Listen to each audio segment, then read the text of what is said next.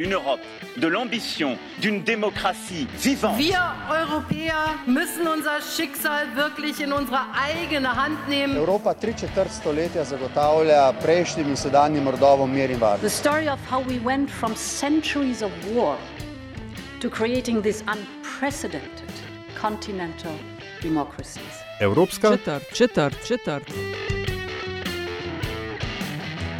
Celui non pas d'une crise mais d'une guerre. Spoštovane in cenjeni, dobrodošli v Evropski četrti podkastu, video podkastu eh, o vsem, kar vas bo zanimalo o Evropski uniji, pa niste vedeli, koga vprašati. Moje ime je Nataša Briški in z mano je.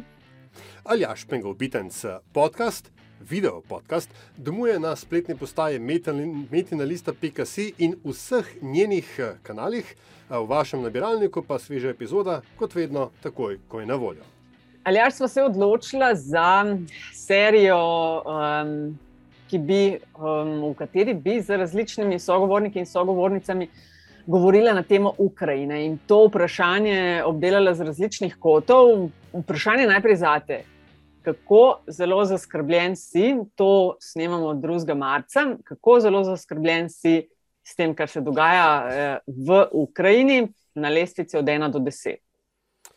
Uh, je, to je zelo nehvaležno vprašanje, ne? ker izražanje zaskrbljenosti je um, najbolj stvar, v kateri je svetovna in evropska diplomacija najboljša. Ne? Ampak uh, na nek način sem bolj zaskrbljen, kot sem bil uh, ob začetku, uh, na, na drug način pa manj, ker uh, je ta dinamika. Uh, vojne v Ukrajini in ruske agresije se izkazala za drugačno, kot so pričakovali tisti, ki so rusko politiko, rusko vojsko kovali v nebo, ne, kot ekvivalentno kakšni drugi vele sili, ne, ki, ki obstaja. Ne. Od ena do deset. Ne, ne, kar eksaktno. Hkrati, hkrati tri in hkrati osem. Evo. A res? Ja.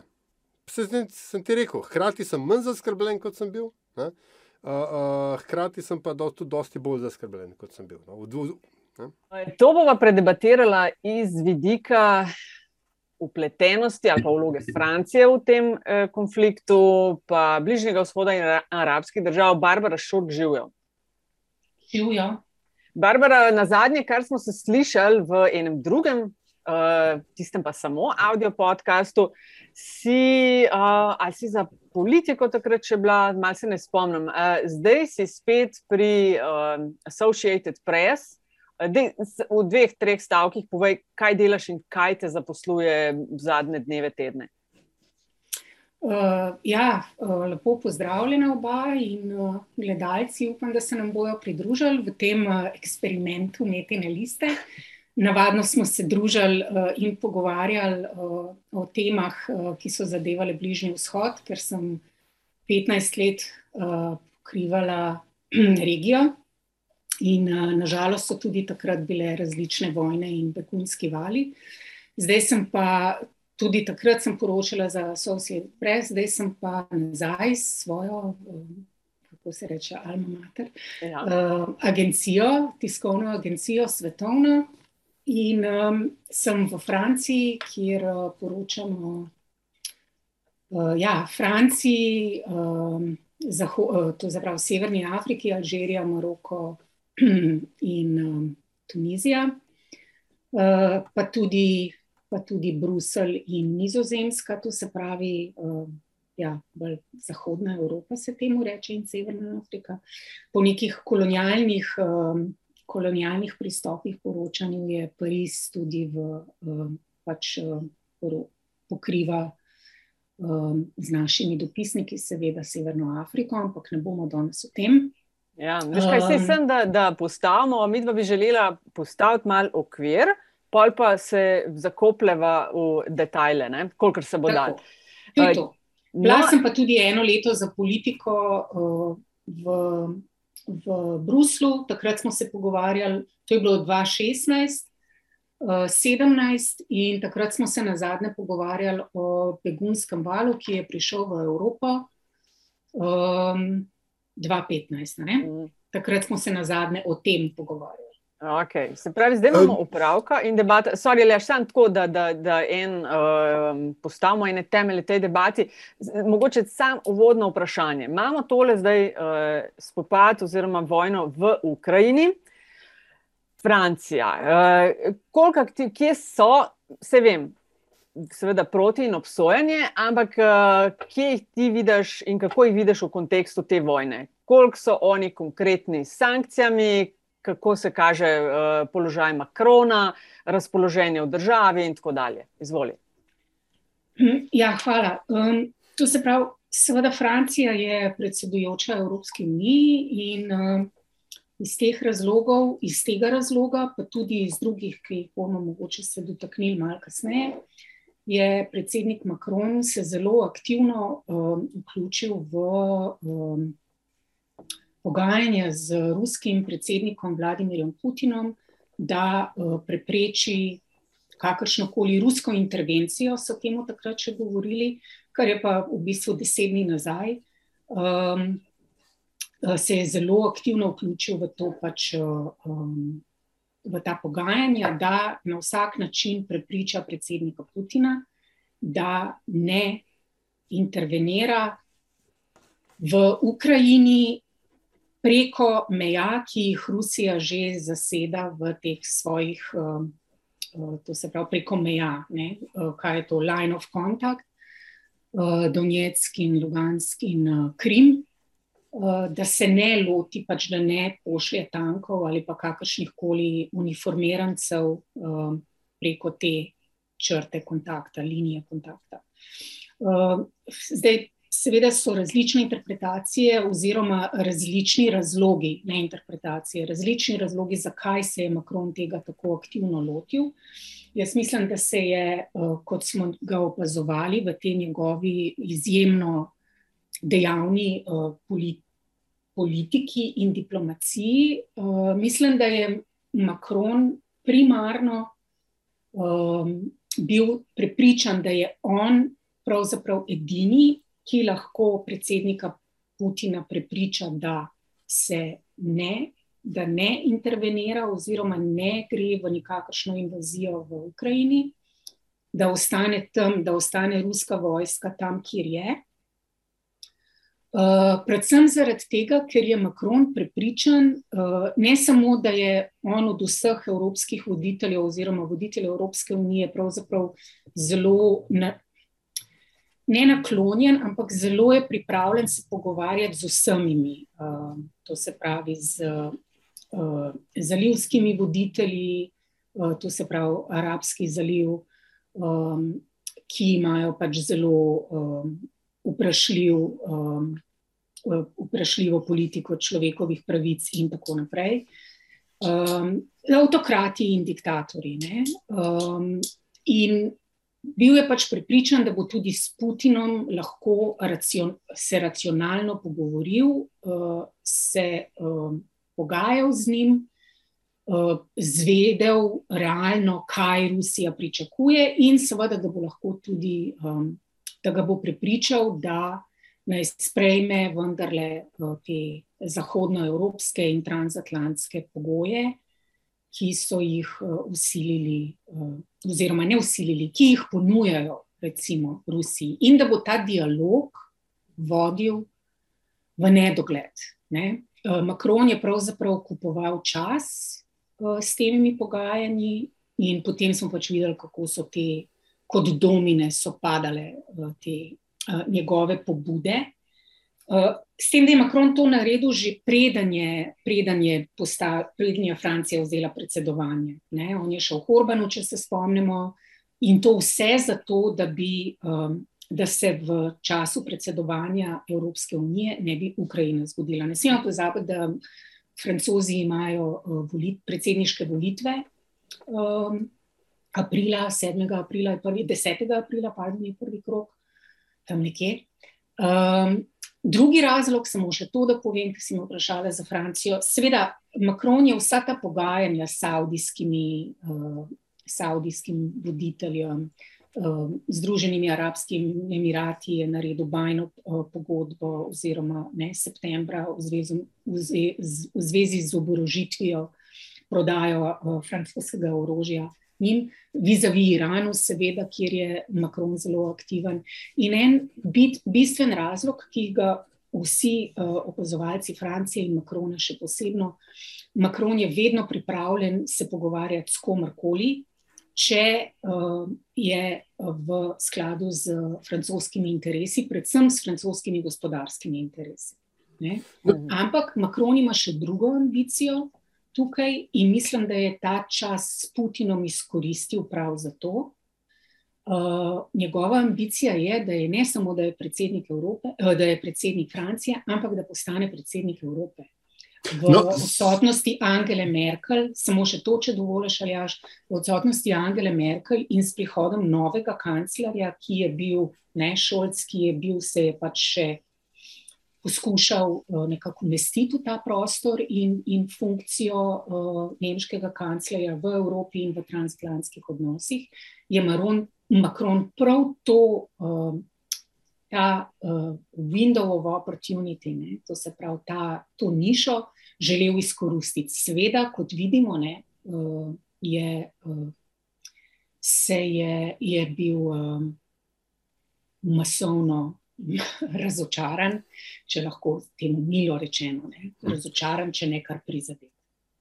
No, sej, to je v bistvu eden od ključnih vidikov cele zgodbe, čeprav uh, tudi Macronove reakcije in francoska politika pred in zdaj med uh, ukrajinsko vojno um, odpira številne vprašanja. Uh, eno je seveda to, da je hotel zapolniti uh, vrzel, ne, vakum, ki ga je za sabo pustila Angela, Angela Merkel, hkrati se pa je izkazalo, da je vprašanje, koliko je imela ona res vpliva na Putina, glede na to, kaj vse se je pač uh, potem dogajalo. Ne. Ampak bolj pomembno vprašanje tukaj je, in ker sta bila Merkel in Macron tukaj nekako so uh, oblikovalca te ideje. Kaj se je po tvojem zdaj zgodilo z konceptom že, evropske strateške avtonomije? Um, jaz mislim, da se je pač. Uh, lej, jaz mislim, da, da je pač. Uh, ko si, ko si rekel, da je pač nastal vakum in koliko je Angela Merkel uh, v resnici imela vpliva na, na Putina in tako naprej. Jaz mislim, da je Angela Merkel vodila eno, um, um, pravzaprav, ne vem, takrat, zdaj, seveda v teh trenutkih, ne, uh, da imamo za rekord ne, uh, povedati, da kdaj se mi pogovarjamo. Mi se pogovarjamo uh, dan sedem, ne, ruske invazije na Ukrajino. Ne, uh, uh, invazija je silovita. Ne, odpor, kot vidimo, je pač zaenkrat obstaja, ampak dejansko nimamo dovolj informacij z vseh front, ki jih, Macron, ki jih Putin odpira. Ne, čeprav seveda še praktično niso izčrpane, možnosti za nove niso izčrpane, in, in žal moram reči, da se ne strinjam s tvojim optimizmom, Aljaš, čeprav si ga zelo želim. Um, jaz mislim, da je to sam začetek. Ne? In zdaj, uh, tako skromen začetek, to, kar nas in, in Ukrajino in celo Evropo pravzaprav še zares čaka. Um, zdaj, Jaz mislim, da se, da se zna pokazati, uh, ne, in hindsight, ko bomo to gledali uh, zgodovinsko. Ne, jaz mislim, da se zna pokazati, da je pravzaprav Angela Merkel in z njo Evropska unija vodila pravzaprav, pravzaprav morda prav zaradi tega svojega znanja in teh svojih izkušenj s Sovjetsko zvezo. In uh, ne gre pozabiti, da je ona bila vzhodna Nemka in ženska voditeljica druge generacije um, evropejcev, uh, kot je Macron, recimo. Ne? Um, in ne samo evropejcev in Nemcev. In lahko bi rekli, da je ona pravzaprav dejansko vodila. Uh, politiko, uh, kako se reče, appeasement, ne, ampak ni druge, ni druge besede kot, kot je ta, ne, da se pač, uh, kaj je, spečega leva ne dreza. Ne. Uh mhm. -huh. In to lahko vidimo po vseh mogočih uh, intervencijah, uh, in zdaj bom šla počasi iz Evrope v, v svojo regijo, zaradi tega, ker se mi zdi izjemno pomembno. Pa poglejmo, dve strahotni vojni na Čečenijo, ki jih je vodil Putin in Putinova Rusija. To je bil začetek njegovega mandata. Uh, utrjevanje njegove oblasti v tem smislu, da danes Putin ni samo uh, predsednik Rusije, ampak on je, on je, on je sistem, ne, ki ga je, če pogledamo kamorkoli drugam v, v uh, avtokratske režime po, po Evropi, po svetu, zelo težko um, uh, osamiti, reči, Putin napada. Ne. Če se Putina znebimo, potem bo vsega tega konc. Ne. Zdaj, menda, vemo, da temu ni tako. Ne. Zato nas čakajo izjemno težki časi. Um, in pač seveda spravim, še enkrat podarim, zaradi zgodovinskih razlogov Nemčije, Evrope same, je ona vodila to politiko in vsi drugi so, uh, so potem.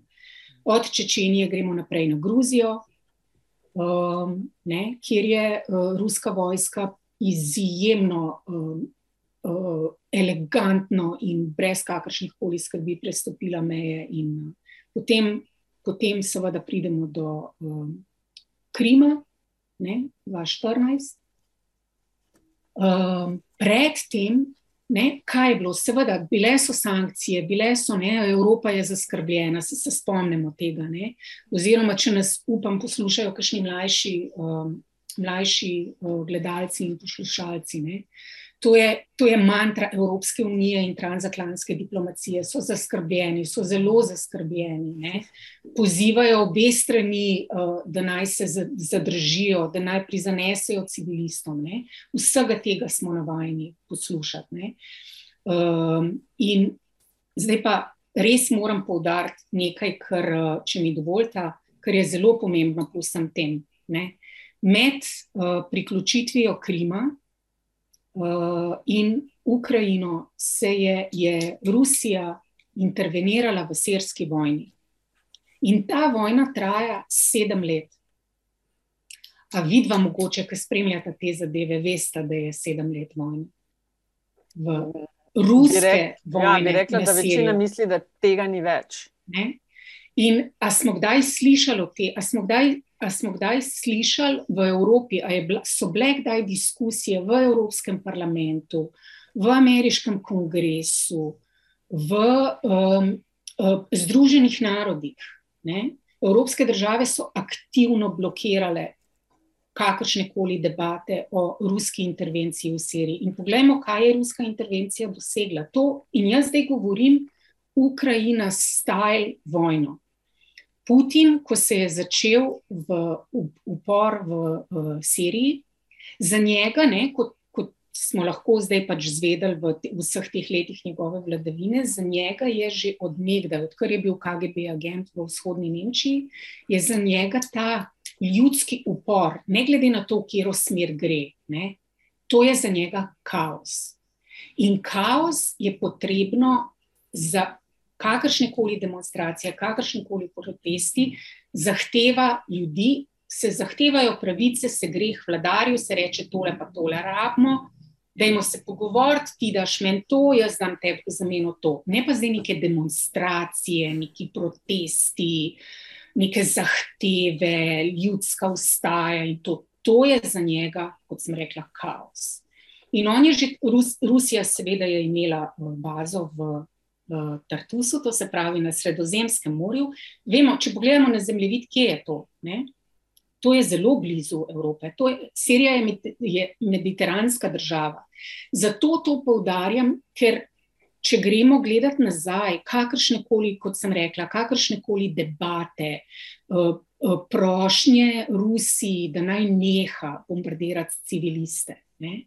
da naj se neha uh, uh, in za Asadov režim spogajati, um, uh, to se pravi, obleganja mest in predmesti Damaska in Alepa uh, na, na robu Turčije. In zdaj, seveda, pogledamo še eno drugo stvar.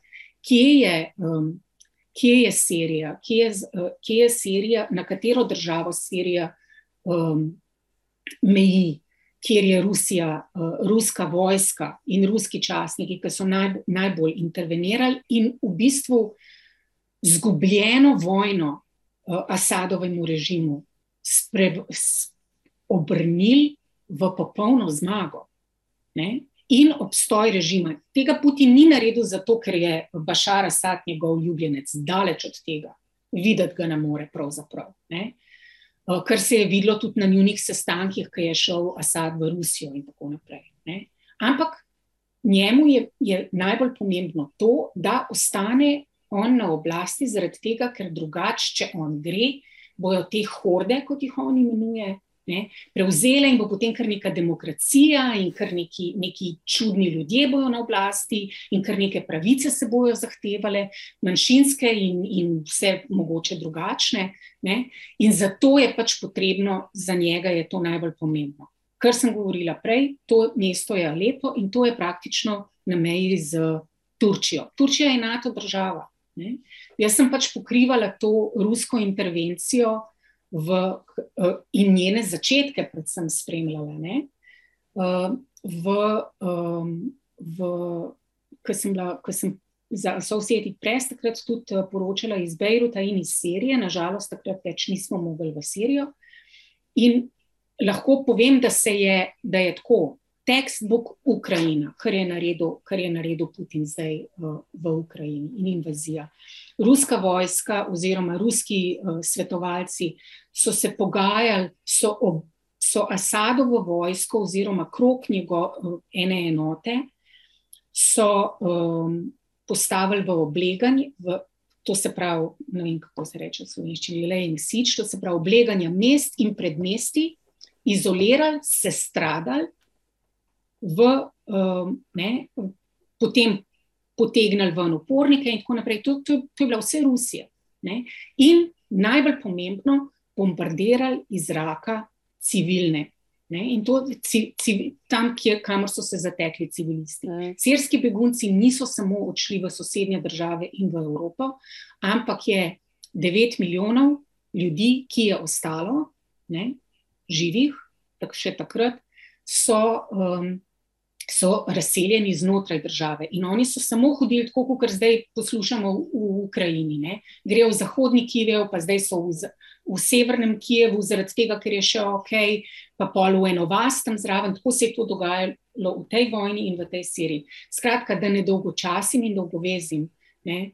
Zelo pomembno je, je ta za lekcije in za. Um, za uh, to, kako bodo ukrajinski prebivalci uh, preživeli ta obleganja njihovih mest in regij in, uh, je, uh, in, in vasi, konc koncev, je pomembno uh, pogledati v Sirijo in srci jim lahko povejo zelo veliko o tem, kako se ruska vojska tega loteva. Ne? To bi o tem povedala, in zdaj samo še to na tvoje vprašanje, da odgovorim konkretno za evropsko avtonomijo, jaz jo pravzaprav ne vidim. Meni se zdi zelo spodbudno to, da so zdaj vsi uh, skupaj stopili in te sankcije, ne? ampak bodimo realni. Zelenski je govoril pred enim tednom, ne?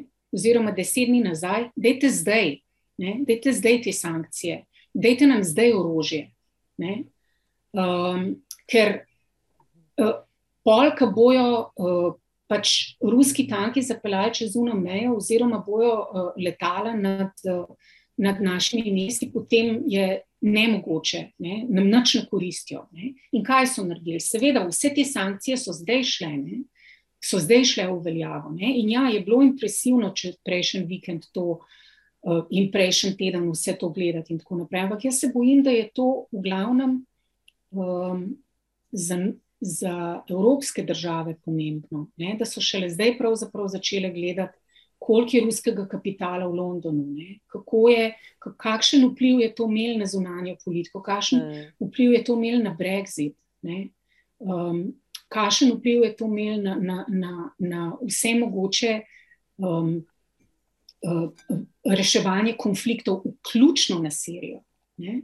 Kjer je bila uh, uh, voditeljica zunanje politike Mogherini. Ne, jaz sem takrat v Bruslu to iz mnogih verov slišala, ona absolutno ni hotela, recimo, srsko opozicijo govoriti, zaradi tega, ker nikakor v nobenem formatu ni želela um, um, obsoditi, ne, tudi tako, kot smo rekli, zaskrb, izraziti zaskrbljenosti niti nad um, ruskimi napadi na srska mesta.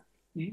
In to je evropska politika. Ne. Dajmo pogledati, kaj bo zdaj naprej, ampak jaz, jaz se bojim, da so te sankcije, eh, če ravno dobrodošle. Ne? Zdaj, ena stvar je, um, ena, sank, en, ena stvar, ki bi zelo korist, koristila Ukrajincem, ne? je seveda um, ne, ne zapiranje, prepoved eh, ruskih letal v evropske prestolnice in ameriške, ne? kot smo zdaj videli, ampak je no-fly zone nad Ukrajino. Ampak vsi vemo, kaj to pomeni. Ne? To je potem NATO stopil v vojno z Rusijo in to je to. Ne. Kar pa seveda ni izključljivo, da se bo zgodilo, ampak ne še zdaj. Uh, Barbara, dve vprašanje bi v bistvu v eno združila in nadaljevala, kle, kjer si končala. Se pravi, Malta, uh, bližnji vzhod arabske države, bogate z, uh, z nafto. Evropa odvisna, ali pa vsaj del Evrope je močno odvisen od ruskega plina. Zdaj se to na nek način mal končuje, ali pa vsaj zgleda, da se uh, končuje. Jaz bi rekel, da je mogoče celo vprašanje časa, kdaj se bo pipica uh, zaprla, ali pa da se bodo tukaj začeli pojavljati kratki stiki. Zdaj, ko smo gledali, kje države so bile malce bolj aktivne ali pa bolj oštre, ko je šlo za uvajanje sankcij Rusiji, uh, je bila Nemčija.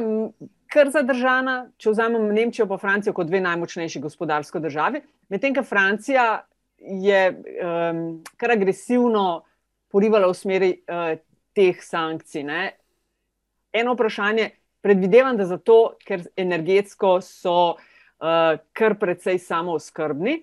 In drugo, a to, kar se zdaj dogaja, gotovo pomeni, da bo bližnji vzhod za Evropsko unijo postal še pomembnejši, ker se bo zdaj treba z avtokrati meniti uh, v uh, kontekstu energetike.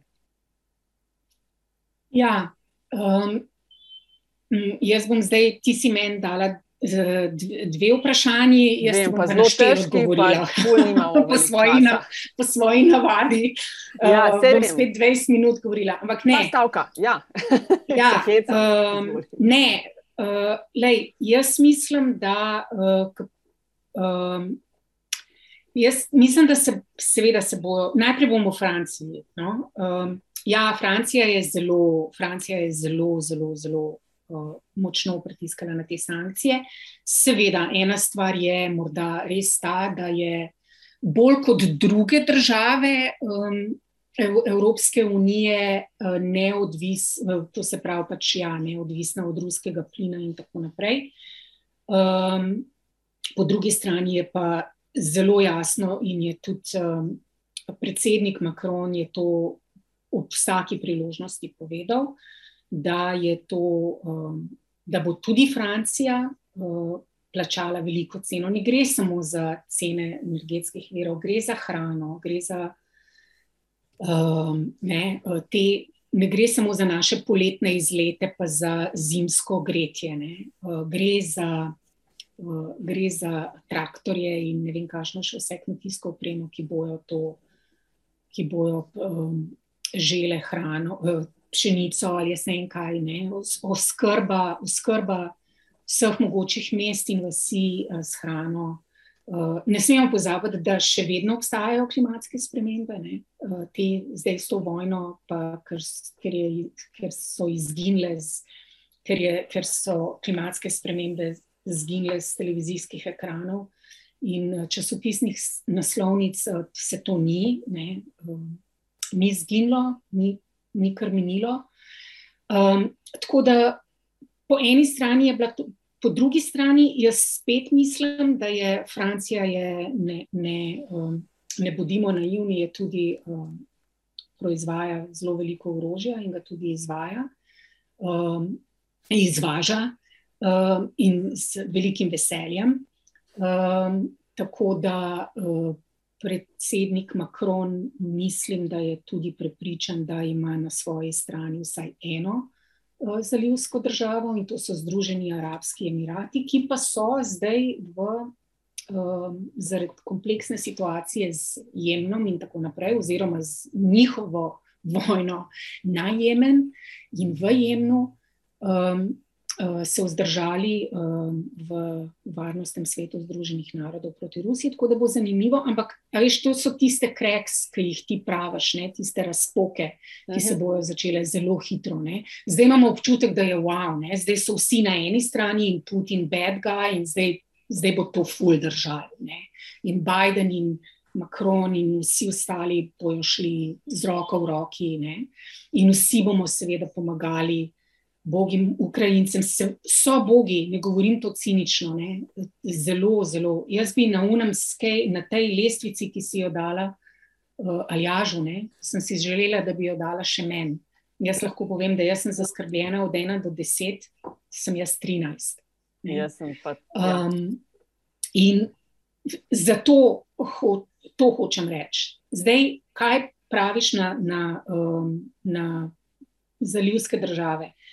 Um, mi, ti si rekla arabske države, jaz bi te popravila in bi rekla, tukaj so, ne, niso bližnje vzhodne države, ampak tukaj so um, države um, zaliva. Uh mhm. -huh. S tem, da seveda tudi druge države, predvsem Severne Afrike, recimo um, uh, Alžirija in tako naprej, tudi one imajo plin v Mediteranu, ne, tudi te države in mogoče se Macron zanaša tudi na svoje bivše kolonije, da bo tudi tam lahko kaj. Um, imel kakšno besedo, ne? čeprav tudi to je zelo kritično, glede na to, kaj se dogaja v Maliju. Ne? A veš, jaz poskušam, vem, da grem vedno na, na široko, ampak res se ta ukrajinska invazija se ni zgodila v, v vakumu. Ne? Zakaj omenjam spet Makrona in, in Afriko? Ne? Tik pred to invazijo se je francoska vojska umaknila iz. Uh, umaknila, ne? prenehala s to, je ukinila pravzaprav to enoto uh, Evropske unije, tudi ki se je borila proti uh, islamskim skrajnežem v Maliju. Ne? In to zato, ker je mal, malan, malijanska vlada povabila eno skupino uh, dobrovo, prostovoljcev, ki se jim reče Wagner Group. Ne? Wagner Group je pa pač povezana z rusko. Uh, ki so, ki, ki so bili tudi izvajalci v Siriji in v Libiji, in tako dalje. Ne? Od tam so se preselili tja. Spet, če gremo nazaj na Evropsko unijo, ne? kako je to pomembno. Ne? In seveda, spet, kako je to pomembno. Te kalkulacije, ki sem jih prej govorila o Makronu, ne? kako. Ni samo zdaj, da on gre, o, mi imamo dost nafte, ne? imamo jedrsko energijo, izvažamo orožje, imamo, imamo fajn uh, to pogodbo z Emirati, kar se tiče orožja, to se pravi, ne, bomo ok. Ne. Ker imamo, ker imamo zelo, zelo malo časa, ne, še, mislim, da je kakšna minuta še ostala. Sam še čisto zadnje vprašanje, Barbara, v, v enem stavku. Um, a je po tvoje zdaj v tej konstelaciji Francija vodilna država v Evropski uniji? Ne, jaz mislim, da ni. Zaenkrat se tako mogoče zdi, ampak jaz mislim, da ni. Barbara, to je vprašanje, ki bomo gotovo še veliko eh, govorili in z različnih vidikov ga bomo poskušali zalažati v Evropski četrti osvetliti. Zdaj pa, kaj bi ti iz tega tvojega vidika, se pravi Francija, zalivske države, eh, priporočila v kontekstu vojne v Ukrajini, kaj naj preberemo, pogledamo, poslušamo, da bomo bolj razumeli, eh, kaj se dogaja. Da nam da malo več konteksta. Ne vem, imaš kakšen seznam? Uh, ja, seznam je dolg, kot si lahko predstavljaš. Zdaj poskušam, uh, nažalost, imam jaz tukaj um, v Franciji, kjer zdaj živim, pač uh, nisem mogla svoje knjižnice privleči sem in preseliti, ampak uh, tako da imam nažalost samo um, uh, knjige v angleščini na, na, na to temo. Um, jaz bi zelo priporočila. Uh, v slovenščini imamo ogromno prevedenih, uh, zelo koristnih in krasnih knjig uh, avtorjev, uh, ruskih avtorjev, bivše Sovjetske zveze in tako naprej. Jaz bi zelo priporočila, seveda, na to temo, da preberete. Um, Oziroma, sežete po knjigi Ane Politkovske, to je ruska novinarka, ki je pokrivala bila ena redkih ruskih novinark, ki je poročala uh, o, čečenski o čečenskih vojnah, Putinovih vojnah v Čečeniji.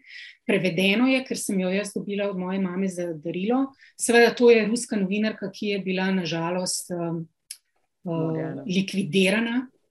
Um, predvidevajo vsi, da strani tistih, uh, ki, je, ki so seveda so bili, so bili um, zelo um, proti njenemu poročanju iz Čečenije. Tako da to zelo priporočam. Potem pa seveda vedno je, vedno je fajn, če beremo stvari za nazaj. Ne? Zgodovinskih, jaz, odkar sem se vrnila v Evropo iz Bližnjega vzhoda, veliko berem knjig o zgodovini Evrope po koncu druge svetovne vojne. In, v tej, v, v tem, in ker nam zelo lepo razloži, ne samo to, te knjige nam zelo lepo razložijo, kako smo prišli do tega trenutka, v katerem smo zdaj.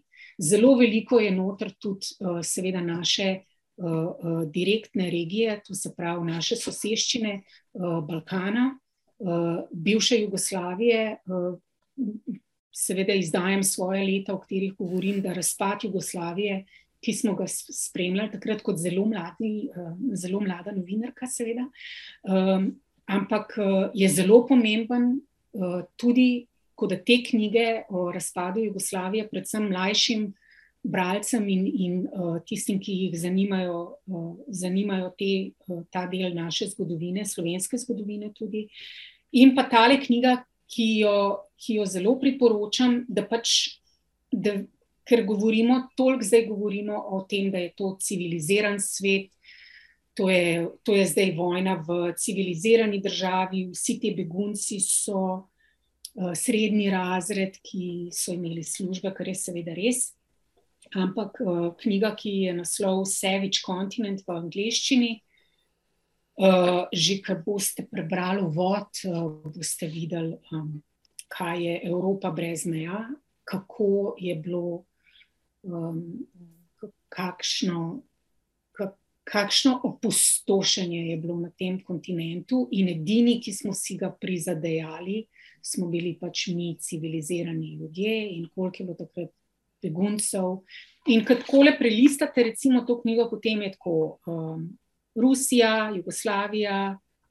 Nemčija, ne, tako te stvari, uh, Ukrajina, je kar posebno poglavje, uh, ne, Stalin, in tako naprej. Tako da to zelo priporočam. Potem pa še za zgodovinsko, za zgodovinsko bi še zelo priporočala uh, belorusko avtor, avtorico, um, ki je tudi Nobelova nagrajenka, Svetlana.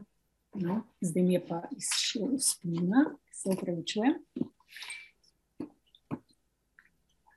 Um, Aleksijevič, Svetlana Aleksijevič, Be Belorus, beloruska avtorica in Nobelova nagrajenka. Ona piše uh, knjige, uh, nažalost, jo jaz tudi berem v angleščini, um, ampak mislim, da obstajajo prevodi v slovenščino.